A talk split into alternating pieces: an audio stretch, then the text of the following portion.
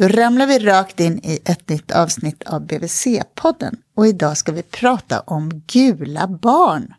Barn med gulsot. Jag heter Malin Bergström och är barnhälsovårdspsykolog och med mig har jag Katarina Niovius, jag är BVC-sköterska och eh, vårdutvecklare. Och Henrik Ernell, jag är barnläkare och jobbar med gula barn. När vi bestämde att vi skulle prata om det här så kom jag ihåg några vårdagar för sådär 20-25 år sedan när jag bodde ute på landet och hade ett alldeles nyfött litet barn. Som någon på BVC sa, han är lite gul. Och min minnesbild av det här det är att den här nyfödda lilla bebisen låg naken på en fårskinnsfäll som bebisar skulle göra då. I en, på en fönsterkarm eh, i det här huset ute på landet. Så fort han somnade så skulle han ligga där helt naken utan blöja. Och som förälder så hade jag ingen aning om, jag visste inte vad det betydde att han kunde vara gul, för mig såg han vanlig ut. Jag förstod inte kopplingen till att han skulle få, jag tror att det var att han skulle få dagsljus. Men jag bara lydde och gjorde sådär, men jag har aldrig förstått vad det handlar om.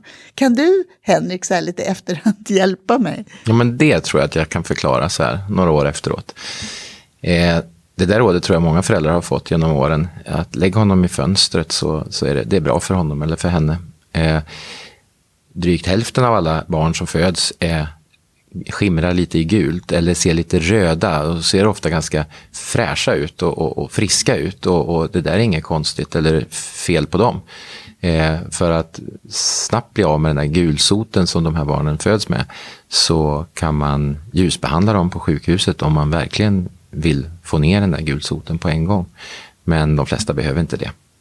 Och, då, och, I det läget kan det vara ett alternativ att man låter solljuset eller ljuset komma åt så mycket som möjligt av huden för att på det sättet snabba på nedbrytningen av bilirubinet. Men säger du att ungefär hälften av alla barn som föds har gulsot? Ja, någonstans i, den, i det, det ja, ungefär 50 procent. Lite vanligare när man är för tidigt född. Då är det ännu fler och kanske inte fullt 50 procent av de som är fullgångna, men nästan 50 procent. Men då måste man titta ordentligt och gulsoten försvinner hos de allra flesta av dem under den första veckan. Vad är gulsot? Är det sån gulsot som jag kan få om jag reser utomlands? Eller? Nej, det är en annan slags gulsot. Den gulsoten du kan få utomlands, då är det nog en infektion du har dragit på dig och då blir levern sjuk. Och det, jag är leverläkare så det är den sortens gulsot som vi ska återkomma till lite senare som jag tycker är viktig att upptäcka. Mitt i havet av friska gula barn. Så att, att de här hälften av alla ungarna som föds i Sverige som, som har gulsot, det är egentligen en frisk gulsot? Fullständigt. Man har ju ett slags eh, blod när man ligger i mammas mage. Och sen ska man byta ut det blodet mot ett, det stora barnets, det riktiga barnets blod. Och det där utbytet sker jätte, jättefort på bebisarna, syns inte på utsidan. Men när blodet, det där eh, blodet man har i mammas mage ska bytas ut, då, då bryts det ner och sen bildas det här färgämnet som heter bilirubin och som gör att man kan bli lite, lite gul. Så det, det, det behöver alla bebisar bli av med och göra sig av med. Så det är en blodombytningsprocess? Ja, men så kan man säga. Precis så kan man säga. Hur förklarar du det här för föräldrar på BVC, Katarina? Eh, absolut inte så ingående, det har jag aldrig gjort. Det var... Um, um, men däremot så pratar man ju om att det är blodkroppar som faller sönder och det här gula ämnet uh, gör sig synligt på huden. Och att det försvinner uh, inom de första veckan, ibland två veckor.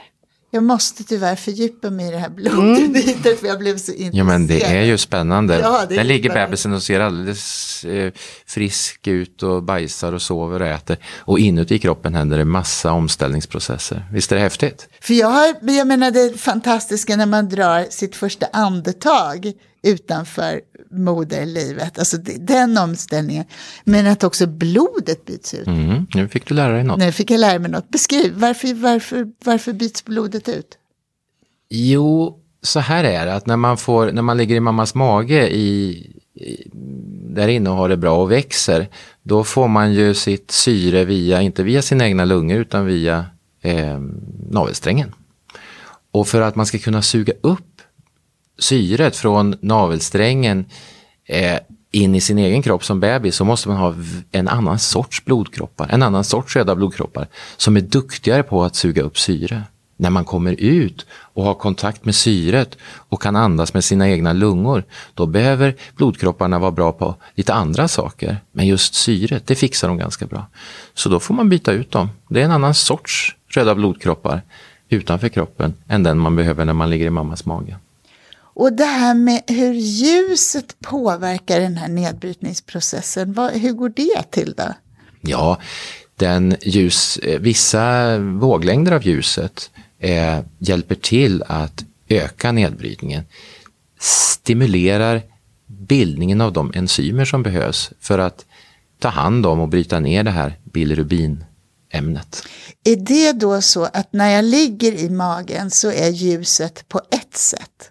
Medan alltså, det som man ska visa kroppen är att nu är du ute i, i verkligheten utanför mammas mage. Och det, är det, det liksom, den processen man vill trigga igång genom ljuset? Eller? Nej, utan ljuset, eh, ljusstrålarna och UV-ljuset det, det hjälper till att genom huden ta hand om det här bilirubinet. Så det, det, är något helt annat. Det är inte ljuset i sig som, som gör, startar omställningen utan det är att barnet börjar andas själv som, som, som hela den här förändringen. Det där som du var inne på, det första skriket och allt det där. När, man, när den här förändringen eller nedbrytningen eh, pågår så kan det också haka upp sig eller det kan bli farligt. För det är därför vi pratar om det på BVC, eller hur? Vad finns det för risker, Katarina? Hur menar du då? Jo, men jag tänker, varför sa de till mig att den här bebisen ska ligga i fönstret? Varför följer vi överhuvudtaget barns gulhet? Eller som Henrik säger, deras Det tror jag Henrik är bättre på att svara än vad jag är. Ja. Jo, så här är det. Att eh, det där bilrubinet som ämnet heter som ska brytas ner och som ger den här bebisen sin fräscha gula färg. Får man för mycket av det där bilrubinet, det vill säga att nedbrytningen sker för fort, det kallas för hemolys. Det, det, då blir tillståndet eh, lite o, o, inte, lika skyld, inte lika oskyldigt. Eh, då kan man hamna på höga och farliga nivåer av det där gulsotsfärgämnet. Och, Vad händer då? Jo, det där bilirubinet det är fettlösligt. Så det, det hamnar i vävnader i kroppen som innehåller mycket fett. Vad finns det för sådana vävnader? Ja, till exempel hjärnan. Aha. Ja. Och då är det inte bra. Då blir de bebisarna trötta trötta, hängiga, inte lika pigga, kanske inte orkar äta lika bra. Och det där kan man faktiskt se hos en del, särskilt de för tidigt födda barnen på sjukhus. Och så att där mäter vi de där nivåerna när vi ser att barnen är riktigt gula. Då kollar vi så att de inte blir för gula. För blir de för gula, då kan det bli farligt.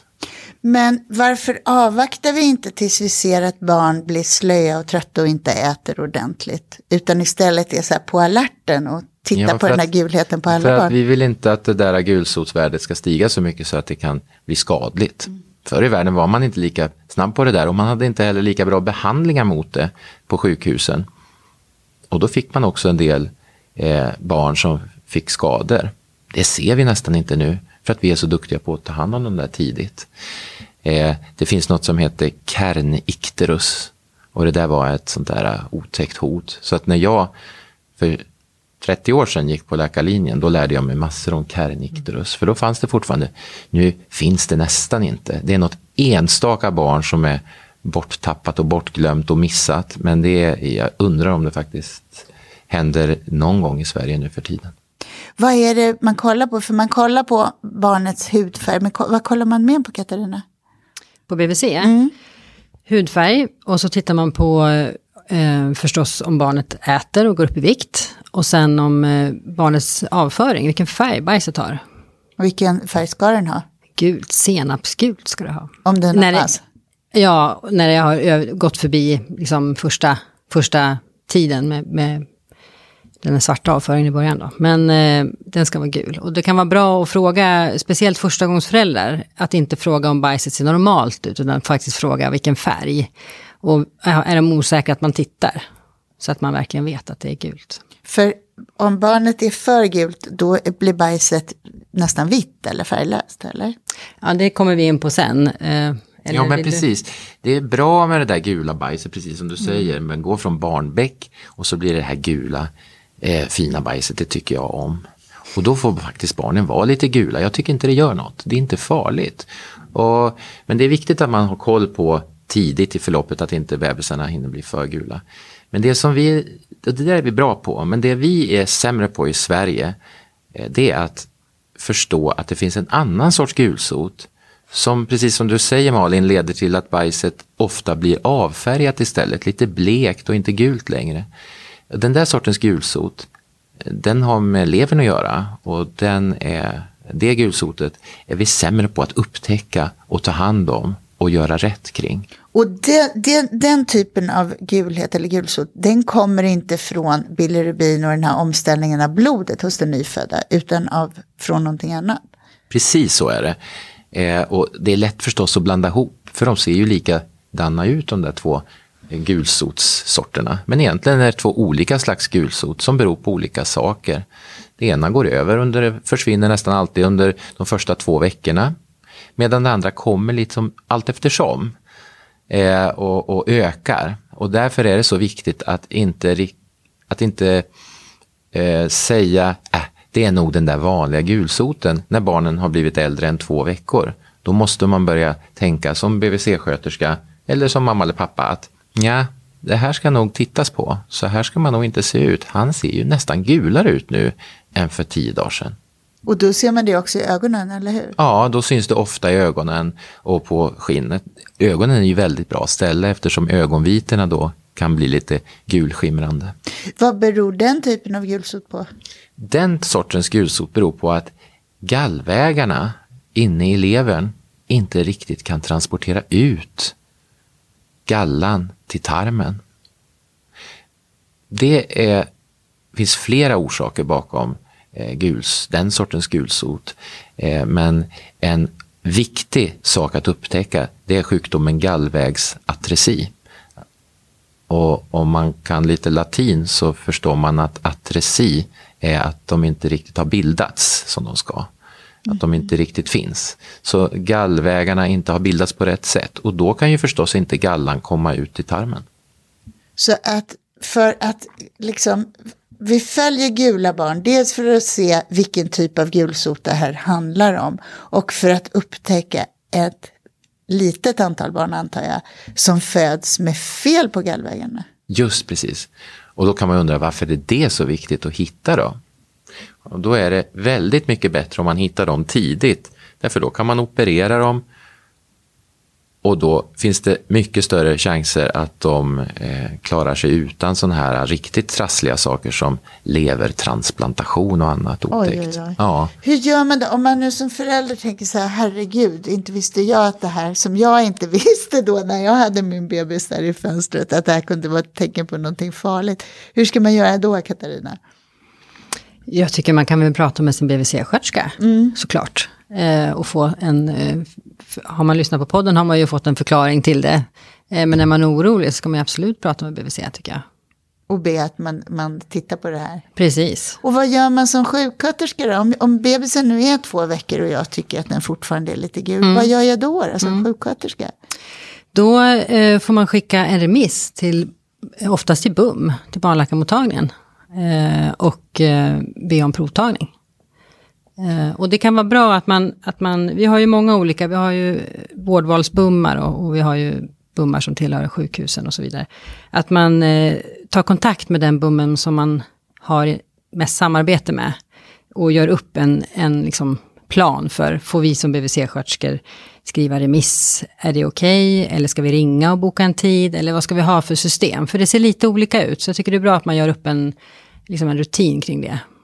Och är det så att man har en, en, eh, en vårdvalsbum och en läkare som inte är bekant med det här eller så vidare, för det finns PM eh, som ni har skrivit, eh, som ligger på Karolinskas hemsida. Men den, vi har den länkad till våran vårdgivarguiden. Så då tycker jag man trycker ut den och skickar den till, till sin vårdvalsbum, så att de vet exakt vad det handlar om.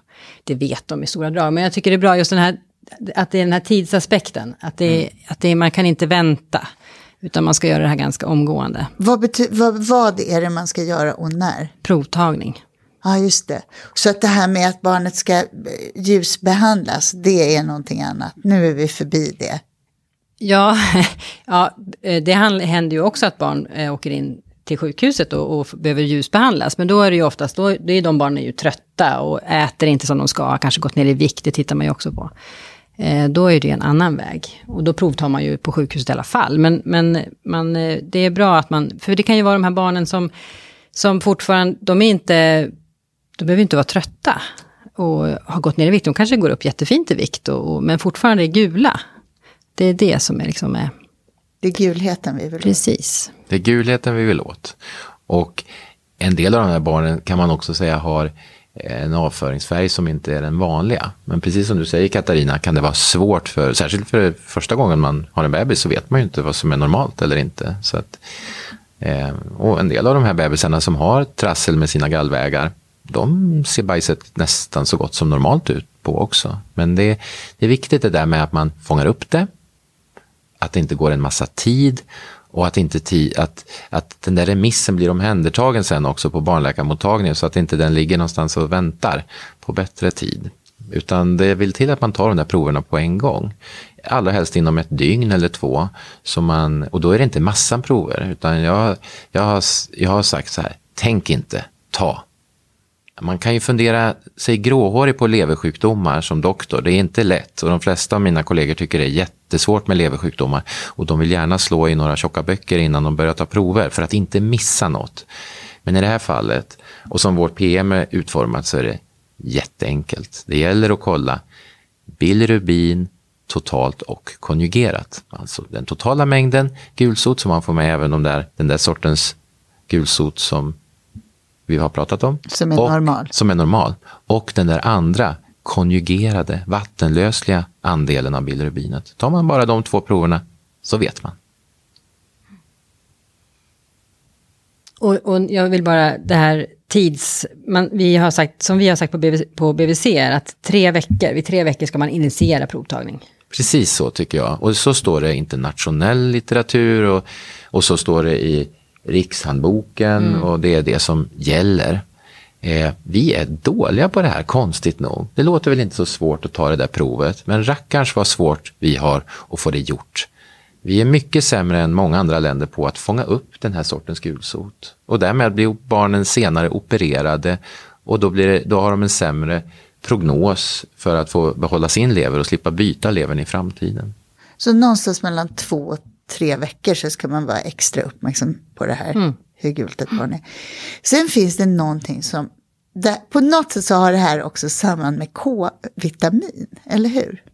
Vilken bra fråga. Ja. Det var jättebra att du sa. Därför att det finns, om man säger att det finns två risker eller två saker som kan vara lite farligt med att låta ett gult barn fortsätta vara gult. Det ena är det här med att missa gallvägsatresi så att de barnen inte opereras i tid.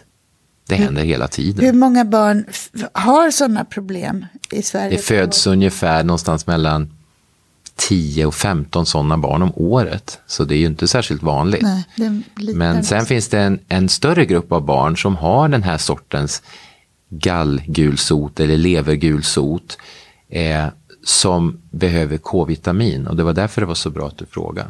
Och berätta om den kopplingen, hur ser det ut? Vad, det, vad beror det på? Jo, K-vitamin Vet du vad K vad det står K för? Varför heter K-vitamin? Jo, det har med koagulation att göra och det börjar på K. K-vitamin behöver man för att koagulationsfaktorerna, alltså blodstelningsämnena, ska bildas. Eh, de görs de flesta i levern och där är levern igen. Då. Och koagulationsfaktorerna bildas av fettlösliga vitaminet K-vitamin. Det behövs för att de ska bildas. Och K-vitaminet finns i bröstmjölken. Men för att bebisen ska kunna suga upp K-vitaminet via tarmen till levern så behövs galla. Galla är ju ett, man kan ju ha galltvål, det är ju fettlösligt. Så att gallan hjälper till att fånga upp K-vitaminet i bröstmjölken och transportera det till levern. Har man då inte galla för att man har den här sortens gulsot och gallvägar som på ett eller annat sätt inte fungerar som de ska. Då suger man inte upp K-vitaminet och därmed ökar man risken för blödningar. Så de här barnen har ökad risk för blödningar. Och det är inget bra. Men föds barn utan K-vitamin och behöver tillföras det genom bröstmjölk? Ja, man kan säga att barn föds ju med eh, en del K-vitaminlager. Men, och K-vitaminet lagras då i fett, fett återigen. Eh, men det räcker liksom inte riktigt till, så det där konsumeras eh, ganska snabbt. Så man behöver fylla på. Och alla barn i Sverige får ju en spruta med K-vitamin på förlossningen. Mm -hmm. Även en, de som ska ammas? Rubbet, varenda en ska få det. Och det är en jättebra försäkring kan man säga eh, för den här bebisens första två, tre veckor under den tiden innan den blir riktigt bra på att suga i sig K-vitamin från bröstmjölken. Då har den bra lager av K-vitamin som räcker tills det här systemet börjar fungera av sig själv. Och det här gör man rutinmässigt så det är ingenting som man som förälder tar ställning till om jag vill att barnet ska få en sån här spruta eller inte.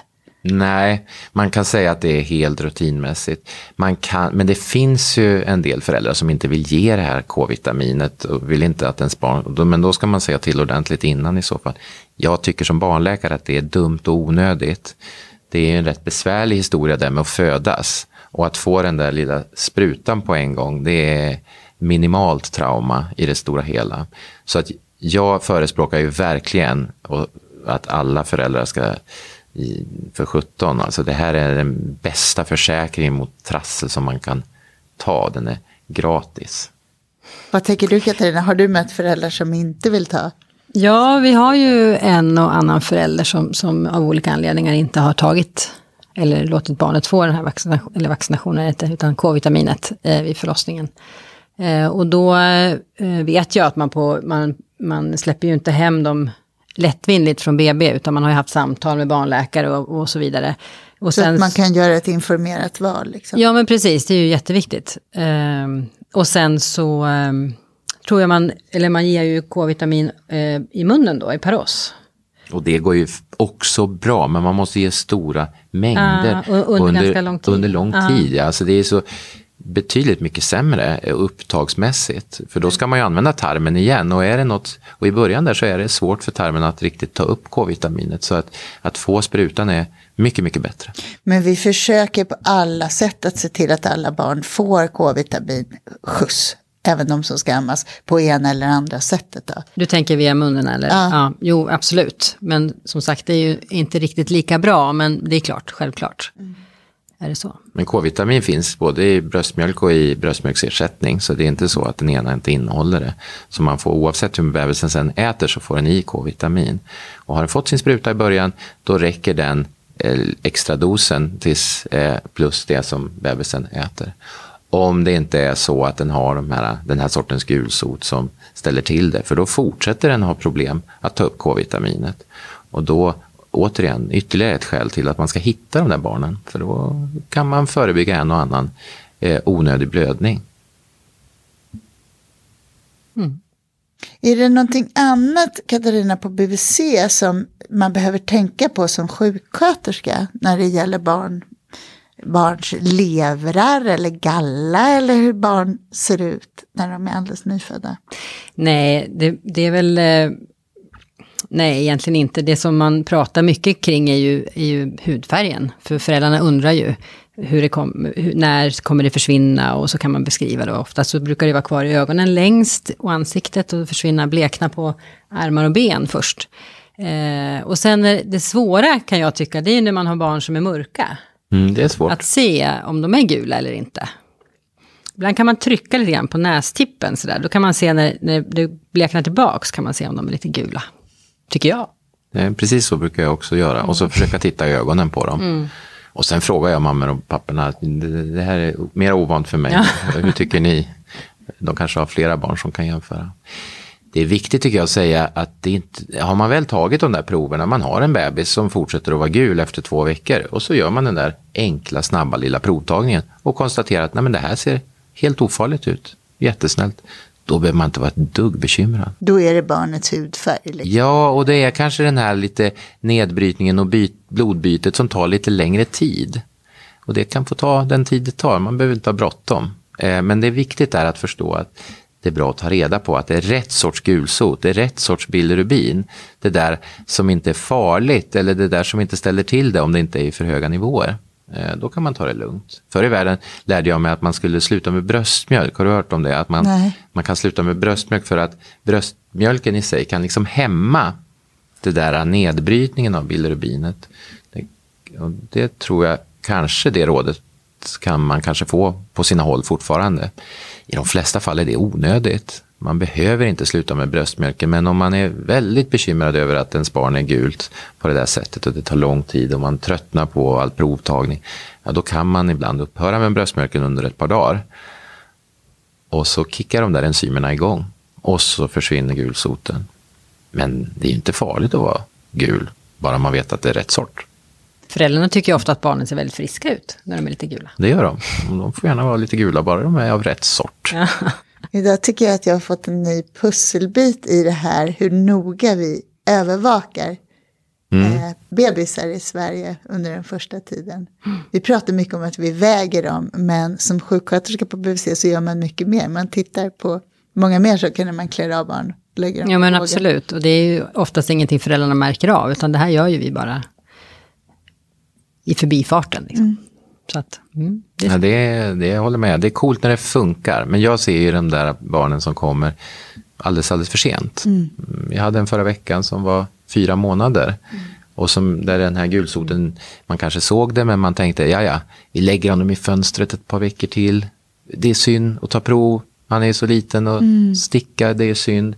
Det händer. Det händer kanske inte en gång i månaden, men det händer flera gånger om året att vi får ta emot barn som har varit, eh, som olyckligtvis har behövt gå, ligga och vara gula i fönstret alldeles för många veckor. Och då, i bästa fall har de inte fått något, några komplikationer av det, eh, men i värsta fall så är det, blir det trassligt och operation försenas och det blir en massa sjuklighet som är helt i onödan bara för att vi inte gjorde rätt saker från början. Det är ovanligt, men det förekommer tyvärr oftare här än i många andra länder. Det var jag lite nyfiken på, varför tror du att det är så? Att det skiljer sig? Ja, alltså jag tänker att det kan vara att man är så mån om att eh, pappor och mammor och barn ska få anknytning och alla de sakerna är viktiga mm. och att mm. man kanske i det fallet nästan tänker, ja men det är lite synd, det, det kanske, nej men det är trassligt och inte ska det behövas och sånt där. Och sen tror jag att många av oss eh, som har jobbat med BVC, läkare och sköterskor, har lärt oss och fått det där med den där farliga gulsoten, tidiga gulsoten, det som jag pratade om som var förr, det här Kernicterus, det sitter där i bakhuvudet. Men det där andra, det är vi inte riktigt lika medvetna om. Jag tror att en del som lyssnar på den här podden kommer att tänka, aha, det där har jag aldrig tänkt på. Eh, jag tycker jag märker det när jag pratar med barnhälsovårdspersonal att att det här är faktiskt ingenting som de har riktigt känt till. Mm. Ja, men de har vetat att de ska titta efter gulsot. Men de har inte riktigt fattat att det fanns den där sortens gulsot som var så viktig att hitta. Mm. Så tror jag att det är. Mm. Och jag tror att vi med ett sånt här, sån här information och annan information kan förändra det där. Mm. Så att vi slipper de där eh, sena operationstiderna eh, och allt trassel som det för med sig. Ja, då tackar jag er för att ni var med i BVC-podden idag. Så ramlar vi ut ur det här avsnittet. Tack. Tack så mycket.